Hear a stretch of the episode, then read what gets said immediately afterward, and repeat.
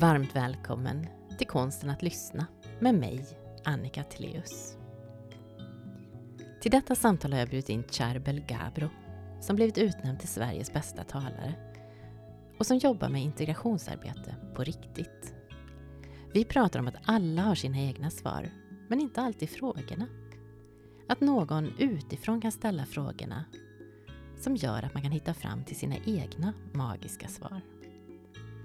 Vad händer när det finns någon som står kvar bredvid mig när jag är ledsen, förvirrad eller känner mig annorlunda och som hjälper mig att bära mina svar? Vi kommer in på att vi behöver göra upp med oss själva för att våga stå där bredvid någon annan när marken skakar till. Det är vackert när broar byggs och världar möts. Det här är konsten att lyssna. Innan vi börjar så har jag en ritual. Jag har en poddbön. Mm. Och den går så här.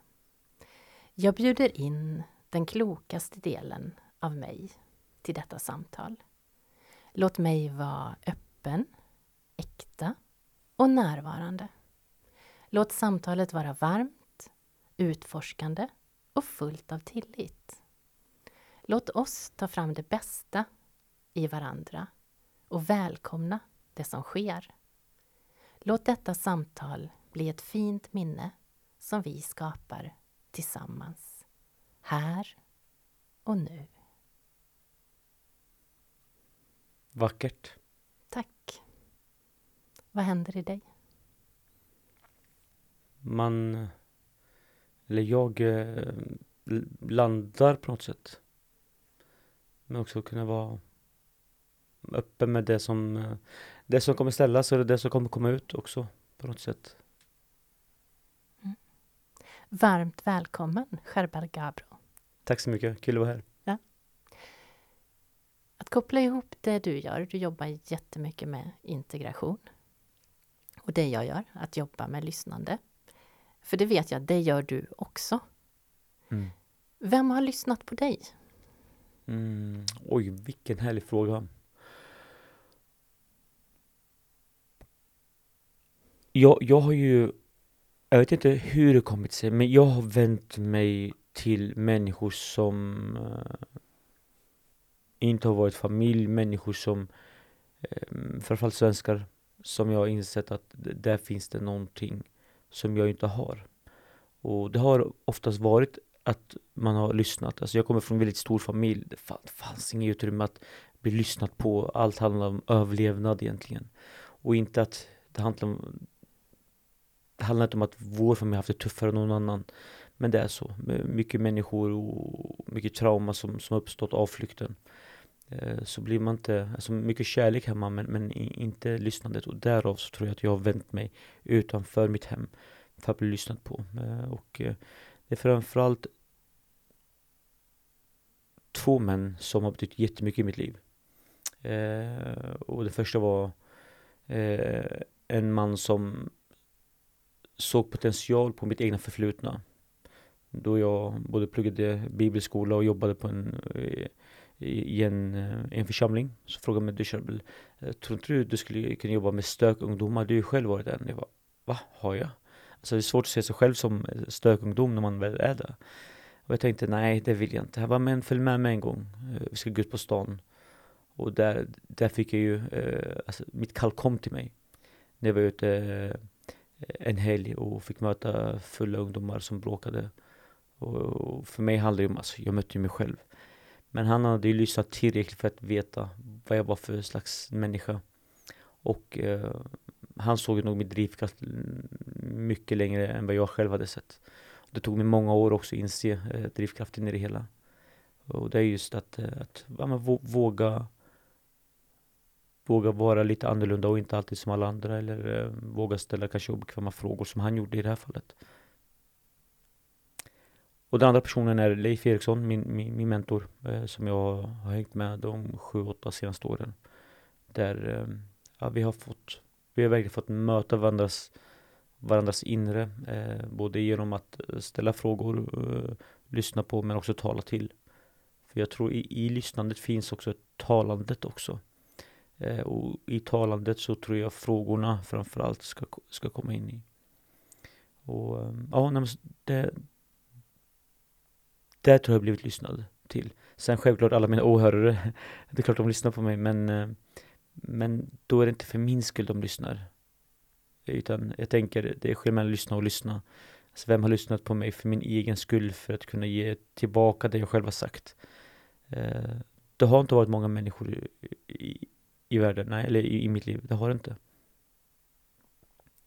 Men jag, jag är nog en person som ifrågasätter mig själv väldigt mycket, alltså i, inte i negativ bemärkelse utan jag utmanar verkligen mig själv. Varför tycker jag på det sättet? Eh, och, och på så sätt också bli min egen terapeut. Eh, låter kanske konstigt, jag vet inte om andra gör det också, men, eller om du också gör det, men att, att eh, våga verkligen utmana mig. Både i mina värderingar, men också i när jag står framför saker och ting. Och nej, det är inte alltid det går bra. Men, men jag tror att jag är den som känner mig bäst själv. Och jag är den som egentligen kan ställa de mest knivskarpa frågorna till mig själv. Andra hade inte vågat göra det. Eh, samtidigt som det inte alltid och det är ju det här hela, hela metoden jag, jag jobbar med kopplat till de här ungdomarna innan vi jobbar i samtal att eh, det är inte alltid man har sina egna frågor. Nej, utveckla det. Jag tycker det här är ja. så spännande. Ja, men, eh, och jag, jag har jobbat med unga grabbar i utsatta områden i 17-18 års tid. Då. Jag var själv ung eh, när jag fick möjligheten eh, på ett bananskal. Och i början fattade inte jag vad jag gjorde egentligen. Jag startade fotbollslag och, och innan, innan träningarna så ibland bad vi, bad vi till Gud. Eh, ibland hade vi inspirationssnack. Ibland så hade vi vanliga, eh, alltså cirkel så vi bara pratade, alla fick prata av sig efter eh, ja, ett problem eller om de hade blivit bråk eller någonting. Så samtalet har alltid varit med utan att jag insett att det egentligen allt det det handlar om efter ett par år så kände jag att nej men fotbollen når inte alla ungdomar som jag vill nå. Ja, och, och, för alla är inte intresserade av fotboll. Eh, och då tänkte jag, okay, men, men, men vad är det jag egentligen gör? Jo, jag vågar ställa obekväma frågor. För jag eh, tror att en av mina verktyg är att ständigt gå tillbaka till mig själv och ställa frågan Vad hade jag behövt när jag var ung? Eh, eller när jag var förvirrad eller när jag hade utmaningar. Jo, jag behövde någon som vågade vara kvar. Vågade bära mina svar. Men för att kunna bära någon svar måste du också kunna ställa eh, frågor som kanske kan göra lite ont. Och då kommer jag fram till att ja, jag vill skapa en samtalsmetodik. Jag tror det är samtal människor behöver. Jag tror det är samtal unga grabbar behöver för att bli modiga för att kunna alltså, ett, bli sårbara för att kunna bli modiga eh, till slut. Och då bygger hela metoden kring på att eh, vi människor, vi har våra egna svar men inte våra egna frågor. Därför behöver vi ställa frågor för att få ut våra magiska svar. Jag behöver dig för att få ut saker och ting. Eh, och, och, och, ju mer man har någon som ställer frågor, ju bättre blir man på att faktiskt tänka själv, eller våga utmana sig själv i frågor. Men också våga bearbeta saker och ting som hänt i, i, i vårt förflutna. Eh, och det var inte det målet var egentligen att bearbeta saker och ting. Men jag, jag har fått vara med och, be, och bearbeta folks trauman. Och sett hur folk blir eh, när de säger någonting de inte visste ens att de tyckte eller kom ihåg. Och så kommer de ihåg det för att de har aldrig fått frågan innan. Och det är häftigt när, när polletter trillar, trillar ner eh, och man ser i människors ögon.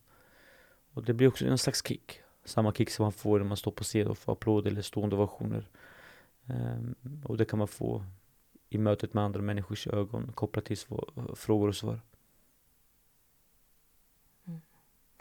Och vad gör lyssnandet i det läget? Lyssnandet tror jag innebär flera grejer. Egentligen handlar det inte om att jag lyssnar.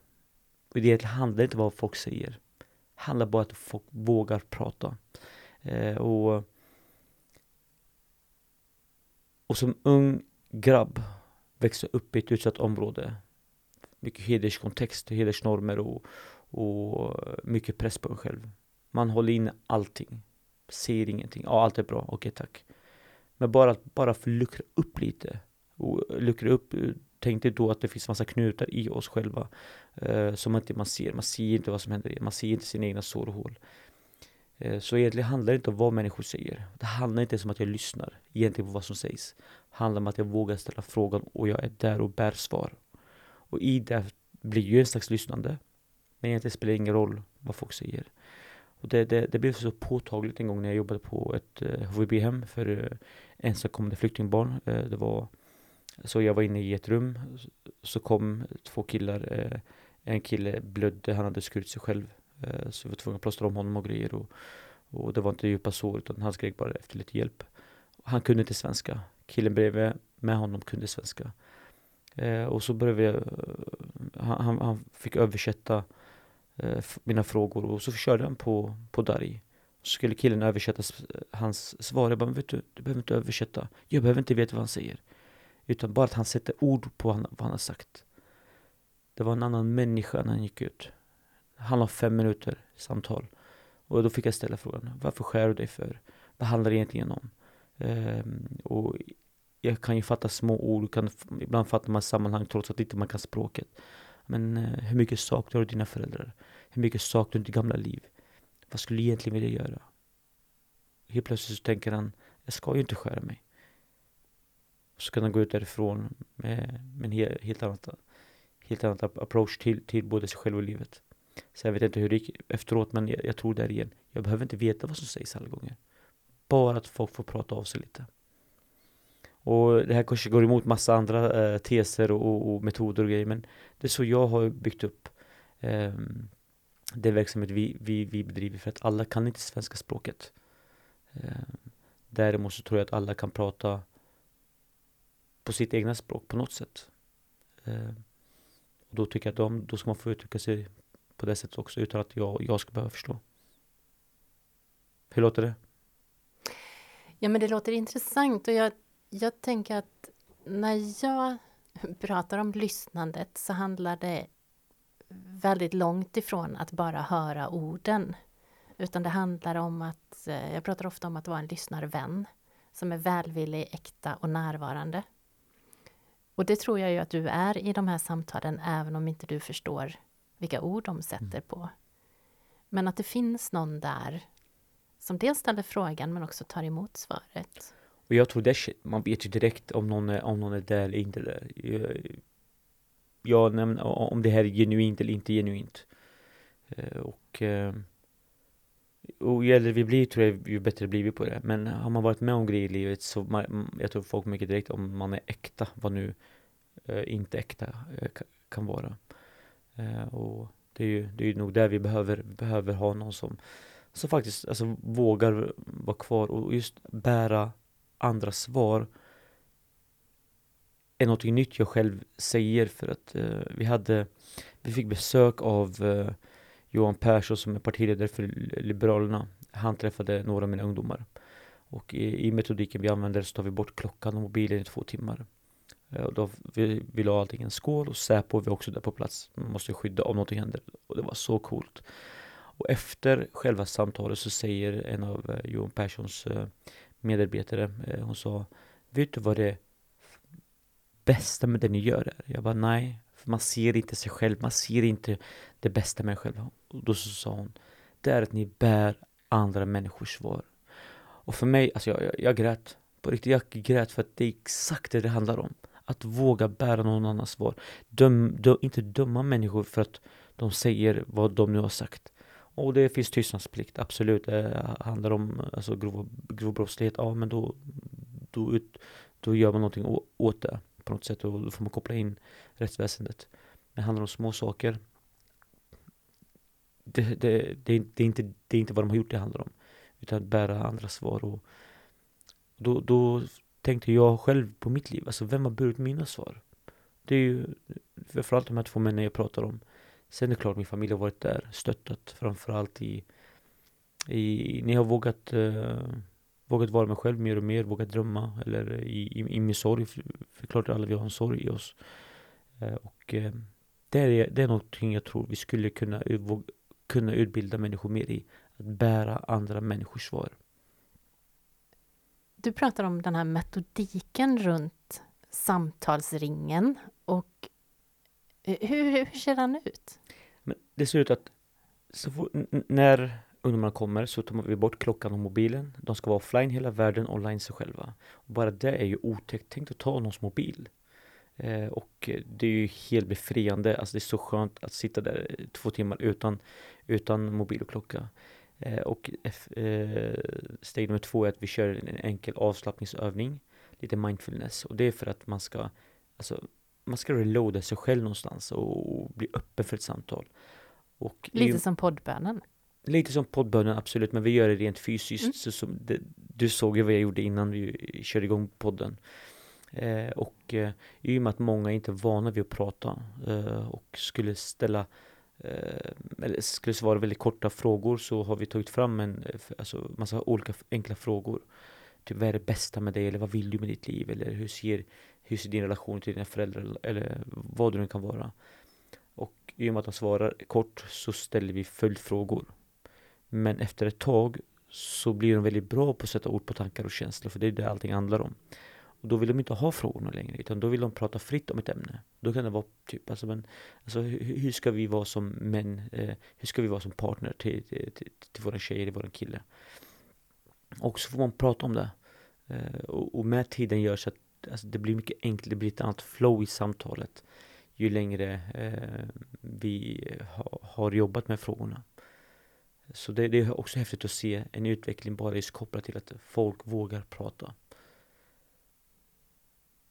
Och om man blir nyfiken, om man skulle vilja vara med i en cirkel, man skulle vilja eh, bidra på något sätt, hur gör man då? Tyvärr så finns vi bara i Norrköping. Eh, däremot så, så, så fort jag är någonstans och föreläser och pratar om samtalsringen så är det många som vill köra igång och då har vi tänkt att Ja, alltså jag, jag skulle ta, alltså vi har inga problem att lära ut själva metodiken. Så eh, om någon är intresserad av att jobba utifrån den metodiken så, så utbildar vi. Och då är det bara att man hör av sig antingen till mig eller till eh, mejlen på samtalsringen.se. Men eh, och, metodiken i sig, den är inget speciell. Alltså alla har, alltså det finns massa olika grejer.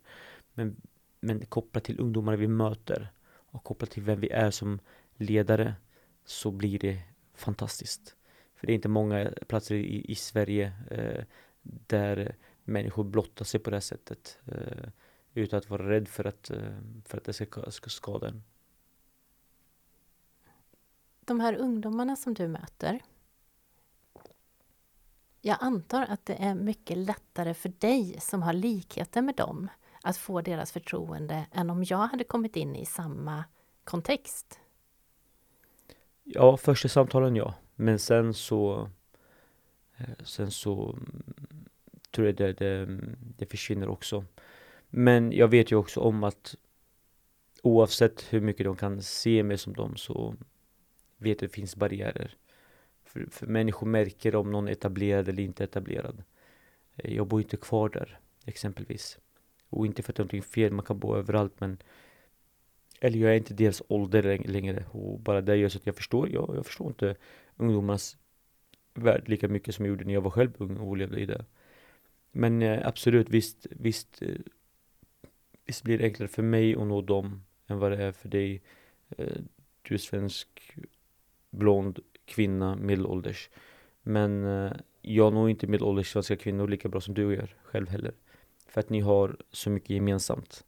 Däremot, det intressanta samtalet är inte mellan dig och, och dem alla andra vita kvinnorna utan det är ju om jag hade kommit in dit och samma sak tänker jag när, när det finns med svenskar in i våra grupper. Det är där också eh, världar får mötas. Så vad vi gör är att vi, vi bjuder in människor i, in, från näringslivet, eller mina vänner får komma in och eh, få möta deras värld. Så häftigt, så mycket lärdom. För att vi lär oss av varandras berättelser. Och om jag går tillbaka till själva metoden och det, det vi möter ungdomarna i lyssnandet är att eh, vi ställer in, eh, vi ger inga svar. Inte tips från coach, ingenting. Bara frågor. Och de får ju ställa frågor till varandra också. Men lärdomen är när någon har berättat någonting, delat med sig, så finns det ju and sju, åtta andra som också lyssnar. Och bara där delas lärdom eh, av eh, livsberättelser. För vi är mer lika vi, vi faktiskt tror i vår olikhet oavsett vart vi kommer ifrån. Eh, och det är ju det som kanske är det starkaste. Eh, det som stärker eh, samtalet mest. Att alla har olika infallsvinklar. Men ehm, när jag haft med mina svenska vänner så säger de alltså att det är som att komma till en helt annan värld. De är ju där för att lära egentligen. Eh, de är där för att lära ut eller inspirera men de blir själv minst lika inspirerade också. Och det är vackert att se när, när världen får mötas här. Mm. För integration så är det ju två sidor som behöver mötas. Och du jobbar ju, i, i, i det här exemplet du kommer så är det ju faktiskt båda sidor som du har med dig. Men framförallt jobbar du ju med de här killarna som, som kommer från tuffa förhållanden och tuffa områden. Jag då som den här medelsvensson, svensken, medelålders, vad kan jag göra? För mitt umgänge ser mm. ju mycket ut som jag gör. Mm. Och jag har tröttat ner hela den här frågan till just det här. Hur vår bekantskapskrets ser ut. För utifrån som vi umgås så kommer vi dejta, ligga, gifta, rösta, rekrytera. Dejta slumpen att det ser ut som det gör. Och samma sak är det för mig. Alltså jag vet ju själv var det kommer ifrån. Jag är uppvuxen i betong, jag är uppvuxen i slum. Jag vet ju vem jag bara umgåtts med. Jag umgicks inte med människor som du. Jag, jag gillar inte ens människor som du.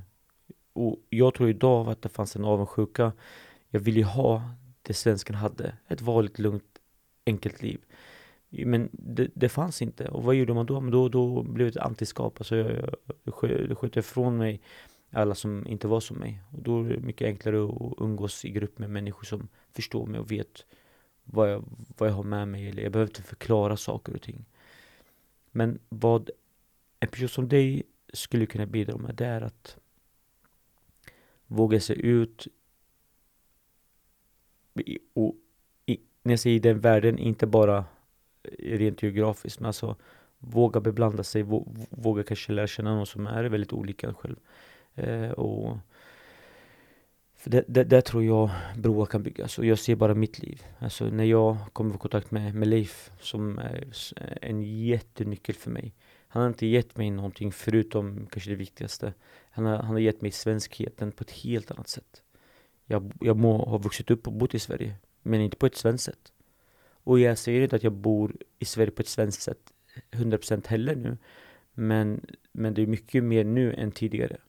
Och jag har, fått, jag har kunnat få ta det bästa av, av flera världar. Men det hade inte skett om inte jag hade träffat någon som dig.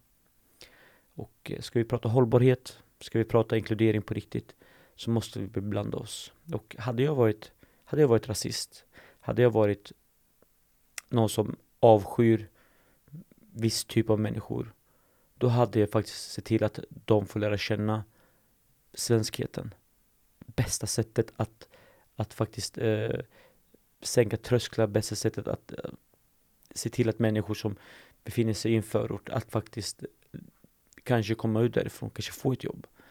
Eh, så mitt bästa tips till, till rasister är, ja, men, mm, varsågoda, jobba då.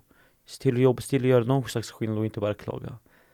Sen tror inte jag på rasism, jag tror inte på rasism överhuvudtaget. Utan jag tror att det är en avsaknad av någonting. Därför finns det rasism. Det är avsaknad av eh, kärlek och förståelse till andra människor.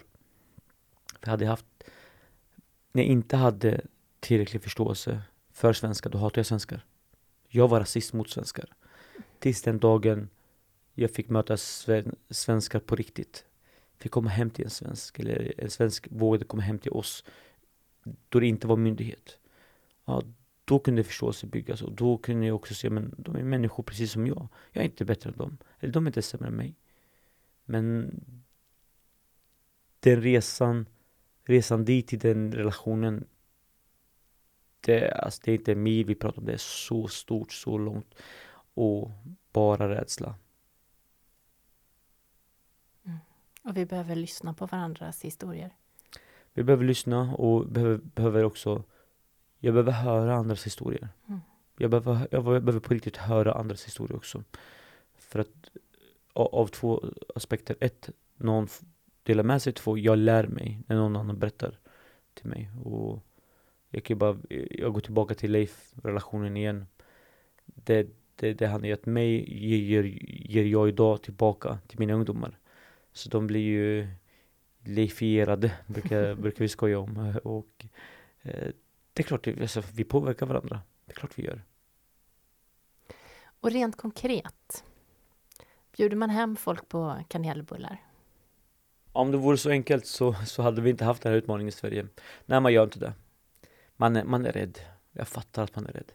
Och det finns grejer jag också är rädd, rädd för. Alltså jag säger inte att allt som sker i Sverige idag eh, kopplat invandring är bra. Absolut inte. Det finns grejer som, som, eh, som är oroväckande idag, i dagens Sverige. Eh, men eh, jag tror att det finns många människor som skulle vilja ha kanelbullar som inte Alltså som vill faktiskt bli etablerade. De vet själva inte hur. Och när jag möter många nyanlända eller arbetssökande som jag har jobbat själv med tidigare. Alltså, men vi, vi hittar ju inte de svenskarna. Och det är kanske inte alltid man, man vill umgås med någon som, som har det som ett jobb. Man vill inte. Utan man vill att det ska bli en genuin relation. Som det har blivit nu i det här fallet med, med de människor som har betytt mycket för mig. Eh, och eh, ja, var träffar man dem? Om man inte där, där det är homogent i alla fall. Så jag tror rent konkret, jag tror man hade behövt skapa nya, eh, nya plattformar, alltså nya eh, mötesplatser där där inkludering sker på så naturligt sätt som möjligt, att man tänker inte på det. Och eh, för mig är det enkelt, alltså jag, jag, jag möter ju mer svenskar idag än jag möter uh, utrikesfödda, men det är för att jag befinner mig i vissa rum. Uh, men, uh, ta det mest extrema i Sverige, Dansbandsveckan. Men alltså det är klart att äh, alltså, de jag pratar med, alltså, de tycker det är skitcoolt att det är killar som är där. Då tänker jag alltså, ska man integrera, alltså, om, om Sverige på riktigt ska göra jobbet, um, slussa dit lite folk från, från Rinkeby och Tensta och Alby eller vilken förort den är till, till Dansbandsveckan och där snackar vi om att folk kommer inte integreras, folk kommer äh, uh, lära känna varandra, folk kommer bli kära, folk kommer le, folk kommer göra, alltså det kommer ske. Men om inte om inte den målgruppen kommer till, till den platsen eller att det, det slutar bli homogent, då, då kommer det bli som det alltid varit. Så och, och, det är lätt att säga för mig nu, men det är svårt. Alltså rent konkret, jag tror man skulle Många behöver, behöver vara med och hjälpa till på något sätt. Och det börjar med dig och mig, tyvärr. Det börjar med oss som privatpersoner.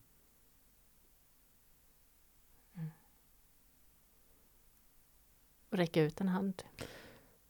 Räcka ut en hand och, och som vi har sagt båda två, våga vara kvar. I en av samtalen så um, så mynnade vi ut ett ordspråk uh, som lyder det svenska örat. Att prata svenska är en sak, men att kunna lyssna på svenska, det är någonting annat. Det är en av mina uh, ungdomar som uh, han, han, var ny i Sverige och typ e, e, efter en, en månad så, så var han med i samtalsringen. Han fattade ingenting och hade med sig penna och papper och förstörde hela, alltså hela tajmingen för att han skulle fråga sig fråga hela tiden. Vad, vad betyder det? Han höll på att viska med killen bredvid. Och det var, det var störande. Eh, men efter en månad så blev han, han blev, alltså okej, okay, han, han började förstå. Och efter tre månader så kunde han svenska, inte, inte bra. Efter ett år, prata flytande gick ut sin eh, grundskoleutbildning, kom ut på sitt gymnasium eh, och, och, har fått så många jobb idag. Nu har han bott i Sverige i, i, i fem, sex år.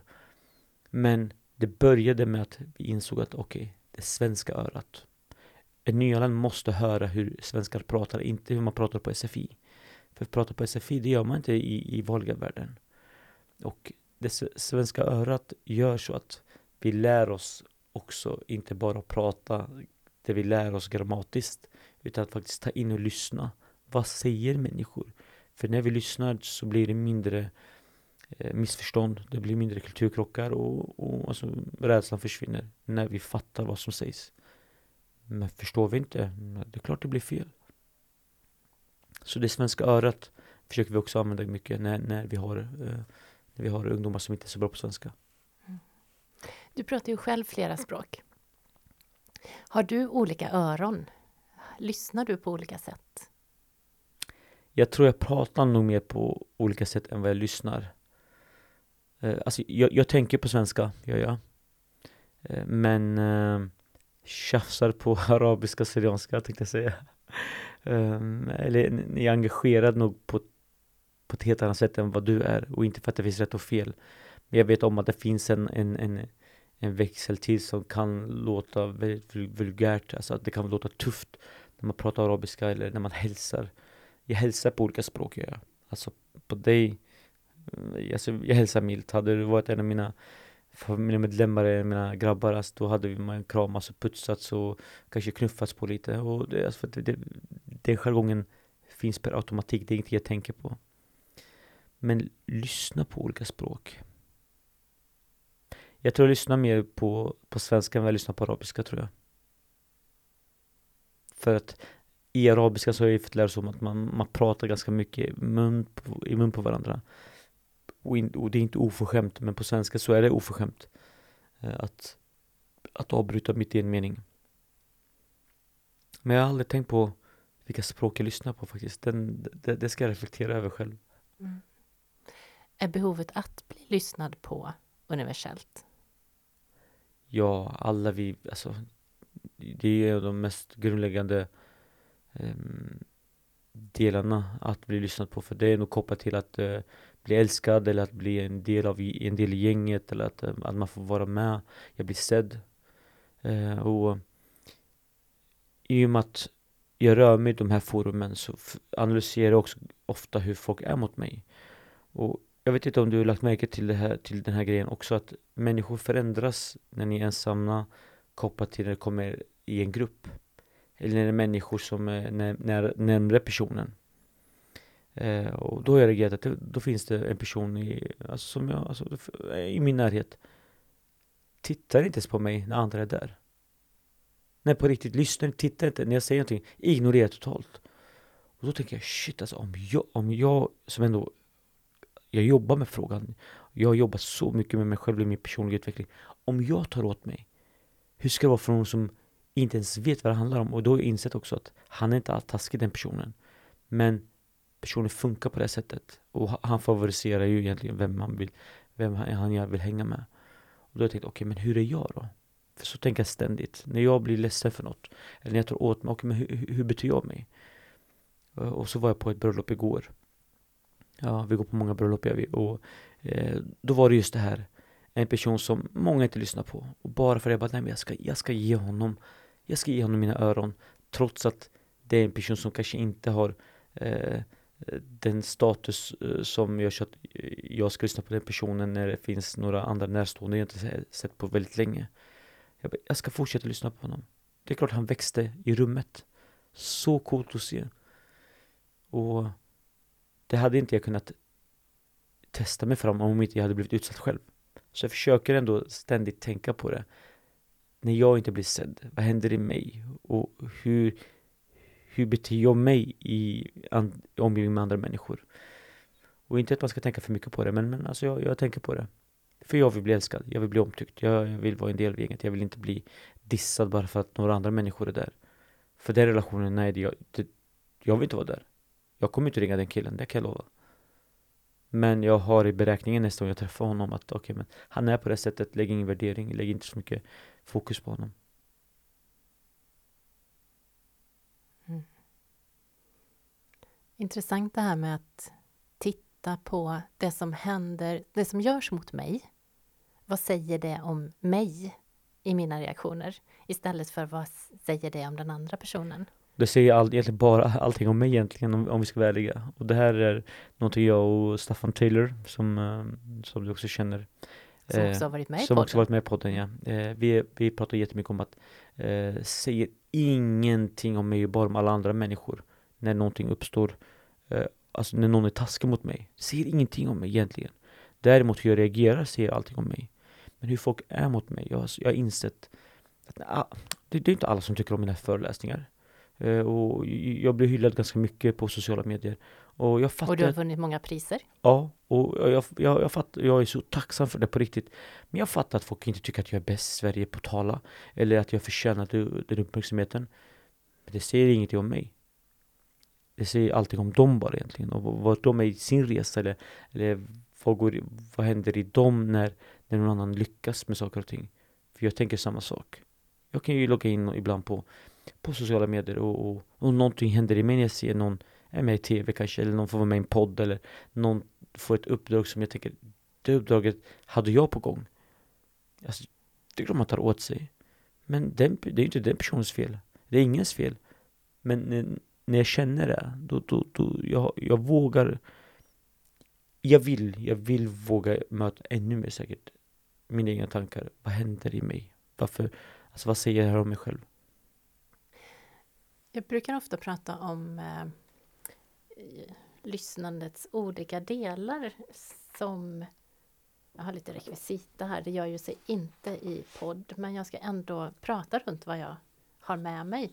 Jag har pratbubblor i olika färger kan man säga. Mm. Och eh, en gul pratbubbla. Den gula pratbubblan symboliserar vad jag säger. Och sen har jag en blå pratbubbla som symboliserar vad jag som symboliserar vad jag tänker. Och jag tror att vi alla har varit med om att vi ibland, eller möter någon som säger saker som inte riktigt verkar ha tänkt så mycket innan. Och kanske sitter vi också och tänker en massa utan att vi säger det. Men när vi får de här att överlappa varandra lite grann på mitten så det bildas ett grönt fält. Då kan jag sätta ord på mina tankar. Och många gånger så är det det här som du har pratat mycket om, att ställa rätt frågor, att någon finns där och ställer rätt frågor. Och där jag vågar gå in i en sårbarhet, där jag vågar sätta ord på tankar som jag kanske inte har varit medveten om tidigare. Då händer det någonting. Och när vi kan vara i det här gröna fältet och hjälpa varandra att vara i det gröna, då når vi ju andra delar av oss själva. För att stöka till det här så har jag också en magentafärgad pratbubbla. För det här handlar ju också om om du ställer frågorna och jag har satt ord på mina tankar så handlar det också om vad du tar med dig härifrån. Och det här är ju inte det är lite spännande för du har ju pratat om att man kanske inte behöver höra orden. Och då skulle jag säga att då är man i det här gröna. Du har lyssnat. Du har funnits där, du har inte hört orden. Men för min del har det hänt någonting. Jag har kunnat vara i det här gröna och du har hjälpt mig dit. För dig spelar det inte så stor roll vad jag har kommit fram till. Men om vi ska samarbeta eller om vi är i en relation så behöver du ju också ta dig in i så att det du tar med dig är det jag säger och det jag tänker. Och då hamnar vi i en mitt där alla de här tre färgerna sammanfaller. Jag kallar det en gyllene mitten där, där, där det sker magi, när vi verkligen kan mötas. För det, det jag tänker är detsamma som jag säger och det är detsamma som du tar med dig. Och då händer det ju någonting. Då minskar vi ju otroligt mycket de här missuppfattningarna, polariseringen, eh, att vi inte förstår varann. Att vi inte förstår var oss själva. Vilken fin formel. Jättebra förklarat och det, det, det, det ja, väldigt, väldigt simpelt och jag tror fler hade nog behövt se det på det sättet. Och så är det ju som du säger, jag menar, för, att jag, för att vi ska kunna ta vidare någonting så måste vi förstå. Alltså om inte jag kan ta in det du har sagt, det går inte att utveckla det. Kan, det går inte att ställa följdfrågor, det går inte att, att komma någonstans egentligen, eh, rent långsiktigt. Ehm, och det är ju det som vi kanske har svårt i Sverige med, eller i världen överhuvudtaget kopplat till kommunikation. Alltså ett ord betyder ju en sak men för mig betyder det något helt annat för dig. Eller sättet hur du säger det. Och, och, och då veta, men handlar i, i den gyllene eh, platsen. Mm. Vem ansvarar för det båda två, men ska man checka av det hela tiden? Eh, och, och alltså jag tror må, många gör det vi också gör. Alltså vi, vi, vi, brukar alltid efter, innan vi lämnar alla ungdomar så brukar vi checka, checka ut vad har vi fått med oss från dagens, dagens samtalsring. Ja, och så får alla gå runt och säga någonting om vad de har tagit med sig. Hur det känns och vad de har tagit med sig. Och det är alltid någon som, som pratar om någon, någon annans historia. Och då har, då, då har man hamnat där. Ehm, och då har man lyssnat. Sen är det inte alla som tar med sig alla storyn men någonting fastnar i alla fall. Vad händer mellan de här ungdomarna som är med i ringen?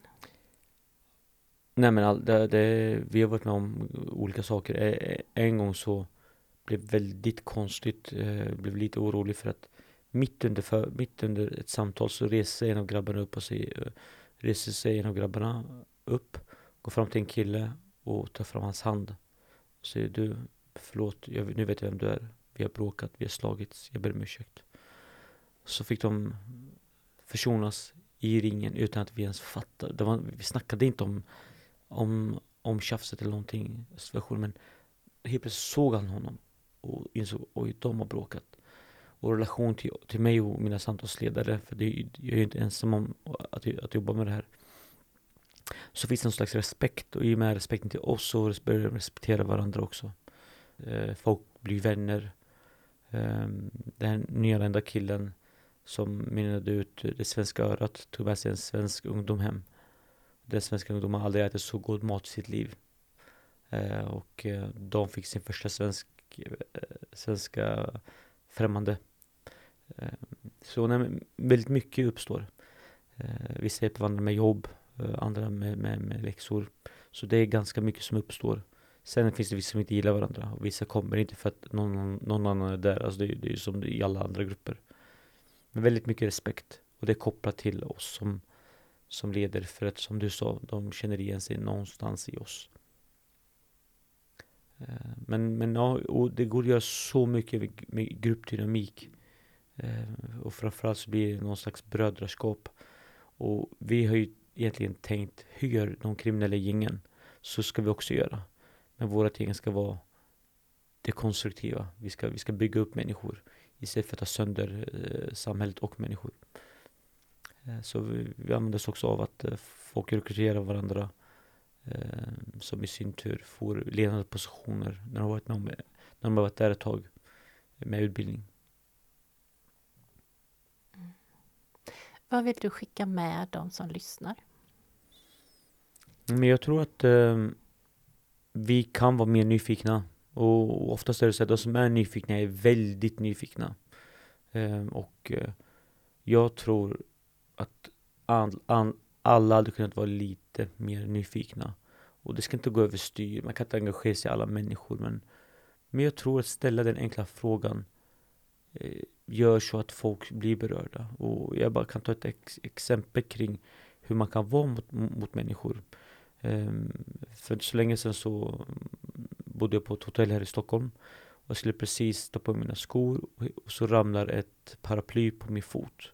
Jag blir skitirriterad. Jag fick ont, Jag bara, vem la paraplyt där? Men jag tänkte, ja, men jag ska kolla på vädret, eh, det kanske regnar, jag tar med mig paraplyt i sånt fall. Så kollade jag, det ska regna. Jag bara, men jag gör det. Och så gick jag ut, kollade så här, ja det regnade inte. Jag bara, ah, alltså vilken inbillare jag Alltså jag har aldrig gått med paraply. Vad ska jag göra idag för? Det är skitjobbigt att gå runt med något. Och så gick jag så här 50 meter, och spöregnade gör det. Jag bara shit vilken tur. Jag hade gått mitt paraply. Jag var så stolt att jag hade ett paraply. Så gick jag som en kung. Alltså, att, hade någon sett mig med det paraplyet, de hade tyckt att jag hade vunnit på Lotto eller något. Så gick jag längre fram, ett rödljus, där står en man, jättefin kostym. Han var dyngsur. Det droppade så vitt från hans hår. Vaxet hade börjat rinna av. Och jag tänkte, ja det är ju tur att jag inte är den där killen alltså. Men sen tänkte jag, men om jag hade varit den killen. Hur hade jag velat att killen bredvid mig som hade ett paraply hade gjort mot mig? Jag hade ju faktiskt velat låna paraply för någon sekund i alla fall. Eller tills vi, våra vägar skiljs åt. Så tänkte jag, okej, okay, jag ska göra det. Ställer mig bredvid honom, la upp paraply över honom och tittar på honom. Och han blir helt chockad. Han, han kollar sig runt han, vad händer? Kollar upp, han ser ett paraply över honom. Kollar åt sidan, möter min blick. Tar bort sin plupp från, för öronen säger Mannen, du förvandlar min värld för en del sekund. Och det var en sjuk känsla. Så gick vi där eh, någon minut, skrattade och bara drev, alltså, bara pratade allmänt om allt och inget. Presenterade inte oss, inte vad vi jobbar med, inte vad vi heter, ingenting, utan bara prata om vilken reaktion han hade. Så sa han på riktigt, alltså, du, du, du, du, du har gjort min dag alltså. Du har förvandlat någonting i mig. Eh, och han förvandlade någonting i mig som fick någonting, alltså jag fick ju glädjen han själv fick av, och tacksamheten. Så går jag upp på ett möte som jag ska, ganska viktigt möte. Jag börjar mötet med att berätta vad som hade hänt. Och hela det mötet var fantastiskt, för jag hade kommit i min energi. Vad hade hänt? Jag hade gett mig, jag hade också fått lika mycket tillbaks. Och det handlar om att vara nyfiken. Det handlar om att, och det är ju det som är lyssnandet. Alltså titta in, vad, vad finns, vad, vad händer runt omkring mig? Eh, är det någon situation som kanske är avvikande? Men vad hade jag velat om det var avvikande i mitt liv? Och det kanske är någon slags överlevnad. Någon kanske tycker att jag överdriver nu. Men, men hela mitt liv har varit avvikande. Och mycket kopplat till överlevnad. Och därför tänker jag mycket på när, när, när jag fick välja vilket liv jag ville leva. Ja, jag vill vara god. Jag vill vara så god att folk tycker att jag är dum i huvudet god. För det gör så att mitt liv blir bättre av det. Istället för att vara ond och hatisk och, och distanserad och ha människor långt ifrån mig. Och det är en livsstil för mig. Jag, jag må jobba med unga grabbar, men det gör jag ideellt. Jag tjänar inga pengar på det. Jag måste stå på scen och tjäna pengar på det. Men för mig det är inte ett jobb, utan det är livsstil. För att jag har försökt analysera vad finns där ute? Vad tror jag kan hjälpa att Sverige ska bli mer hållbar? Eh, och då får jag använda mig själv som verktyg. Och framförallt använda mina, mina ögon och se, alltså analysera och iaktta eh, eh, det, det, både utmaningen men också det fina som händer. Det skulle jag vilja skicka med till åhörarna. Härligt. Jag vill skicka med de här bubblorna som jag har pratat om. Det är ju faktiskt också loggan till podden och till min bok Konsten att lyssna. Men att fundera runt, att vara nyfiken på vad kan du göra för att vara i den här gyllene mitten där både den som lyssnar tar med sig det som den som pratar säger, att förstå utan att göra en egen tolkning, men också att hamna där eller hjälpa någon att vara där man kan sätta ord på tankarna. Så både hur kan du när du pratar vara mer i den här mittfältet och hur kan du när du lyssnar vara mer i den här mitten? Ja, bra tips. Ja, det är något jag själv ska tänka på faktiskt, rent, rent bildmässigt alltså. Mm. Stort tack för att du kom hit. Jättetack för att jag fick vara med.